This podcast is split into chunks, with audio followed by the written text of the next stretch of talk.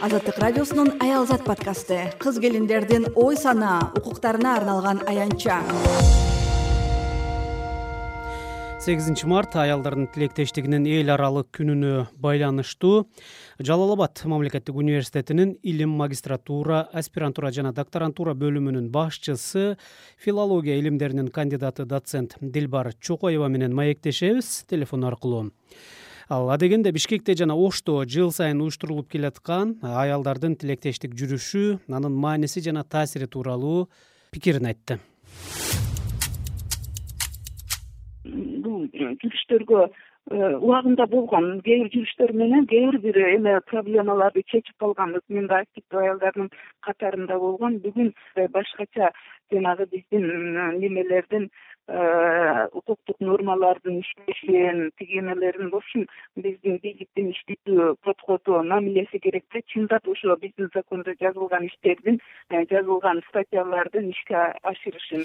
Деги бүгүн кыргызстанда аялдардын коомдук саясий турмуштагы ролунун чыныгы даражасын кандай деп баалайсыз? Гендердик теңдик талаптары канчалык сакталат? Кыргыз аялдары мындай дайыма эле активдүү болуп келген. Анткени э, ата бабабыз башынан эле э, тиги эмени аялдардын пикири менен эсептешкен аялды прогрессивдүүлүктүн башаты катары карап келген ошон үчүн жанагы намаз эпосунда баардык жакшы иштердин башында каникей турат депчи аялдардын түрдүү поступкаларын кабыл алып келген мисалы жаңыл мырза эми чыгармада ушундай да баягы үч жигитти сулап атат эмеспи өзүнө карата мындай намысына тийген сөздү айткан үчүн. И ошону жаңыл карабек башка деп тиги эме кылбай кайра жаңыл мырза деп даңазалап күчөтүп өзүнчө эпоско айландырганынан көрүнөт ошон үчүн курманжан датка бизден чыккан снгийн территориясында анан айрыкча биздин могу э, мусулманчылыкка көбүрөөк берилген э, орто азия менен казакстандын ичинен дагы бизде аял киши биринчи президент болду.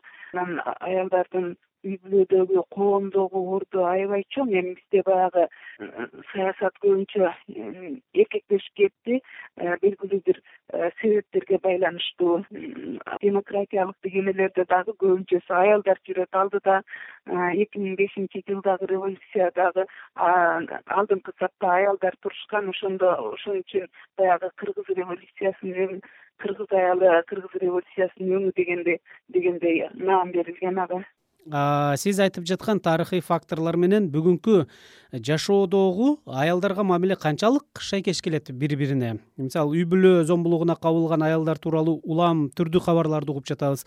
Тилекке каршы эркектердин зомбулугунан кыз келиндердин өмүрү кыйылган учурлар бар коомдун могу отуз жылдан бери Э, билим берүү жакшы иштебей мектептер өзү менен өзү калып маданият тармагы жакшы иштебей адамдарда баягы эме күчөп кетти да.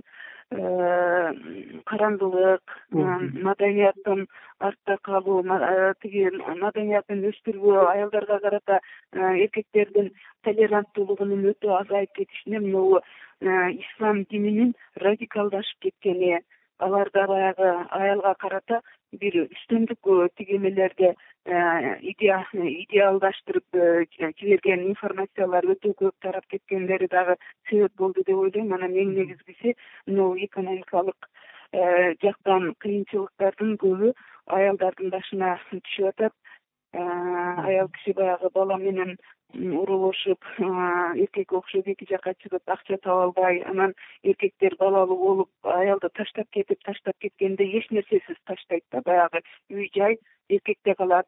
Аял киши экиге беш баласын алып көчөгө чыгып калган ушундай эмелер бар теңсиздик ушундай нерселерден улам.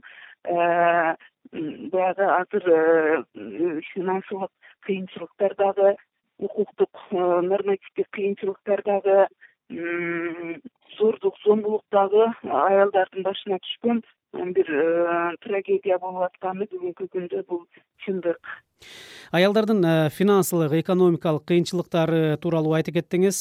Мисалы кыргызстандын улуттук статистика комитетинин маалыматына таянсак орто эсеп менен аялдар айына он алты миң беш жүз жыйырма төрт сом эркектер жыйырма бир миң тогуз жүз токсон тогуз сом каражат табат экен бул жерде да теңсиздиктин бир көрүнүшүн байкасак болот. Э, буга кыз келиндердин кайсы бир кесипти тандоого болгон мүмкүнчүлүгүнүн аздыгы жогорку билимге ээ болушуна жакындарынын каршылыгы мектепти бүтүп эле айрым учурларда бүтүп электе турмушка узатылышы себеп болуп жатканын да четке кага албайбыз. Айлыгы аз жумуштарда анын ичинде маянасы э, салыштырмалуу аз. Мугалимдердин жана медицина кызматкерлеринин да көбү аялдар. Э, азыркы шарттан алып караганда кыз келиндердин каржылык көз карандылыгын чечүүнүн кандай жолдорун айта алабыз? Айта аласыз сиз мисалы могу мугалимдердин айлыгы көбөйөт врачтардын айлыгы көбөйөт деп атпайбы. Ушул айлык чындап э, биздин бийлик убада берип аткандай абдан жакшы көбөйсө дагы бул аялдардын тиги эмесинин көбөйүшүнө шартынын жакшырышына тиги эме болот эле. Жакшы шарт түзүп берет эле. Анан кийин могу эркектердин көбүнчөсү балдар аялдар менен калып эркектер алименттен качып алимент төлөбөй аткандыгын да мына биз көрүп атабыз абдан көп тиги эмелер э, тиги бизде сот эч кандай өзүнүн милдетин аткарбайт экен да. Э, аялдар арыз жазып э, немесин алимент кестирип алып деле кестирип алган аялдарга деле ошол эмени өндүрүп бербейт экен алиментти өндүрүп бербейт экен.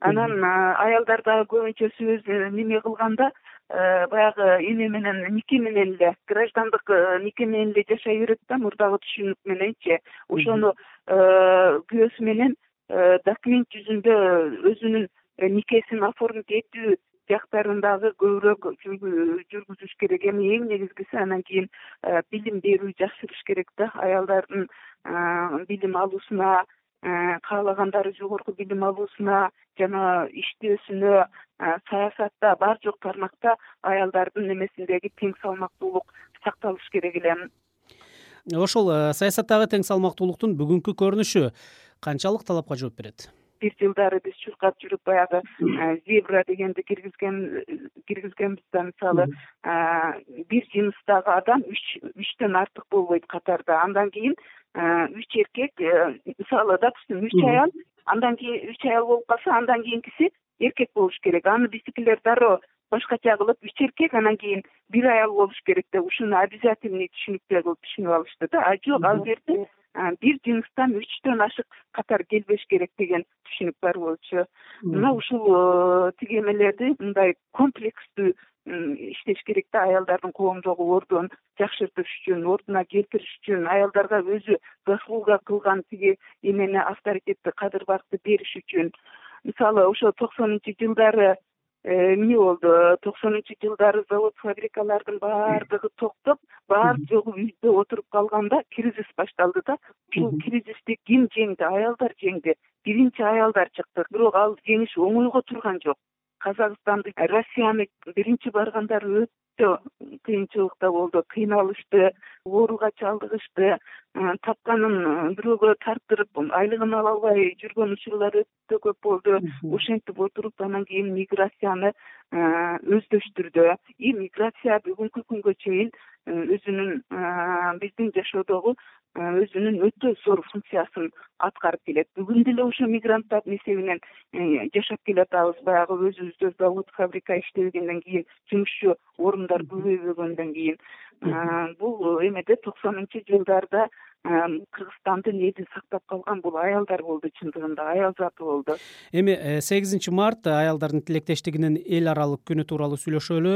Э, кыргыз коомчулугунда деги пост советтик өлкөлөрдө бул дата тек гана аялдар күнү аялдар майрамы деп айтылып эле жүрбөсө анын түпкү маанисине көп деле көңүл бурулбай калгандай.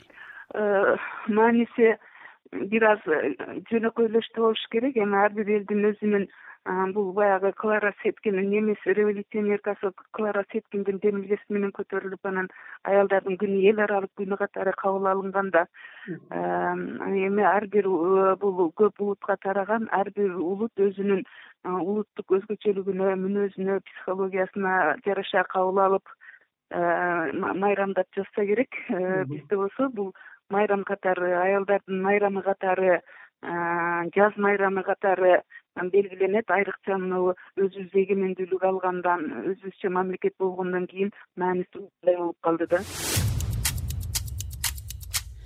Рахмат сизге. Азаттык радиосунда жалал абад мамлекеттик университетинин илим магистратура аспирантура жана докторантура бөлүмүнүн башчысы филология илимдеринин кандидаты доцент дилбар чокоева ой бөлүштү. Суроолорду мен санжар эралиев узаттым азаттыктан подкаст угуңуз кызыктуу орчундуу темалардагы баян жана маектерди подкаст платформаларда сунуш кылабыз.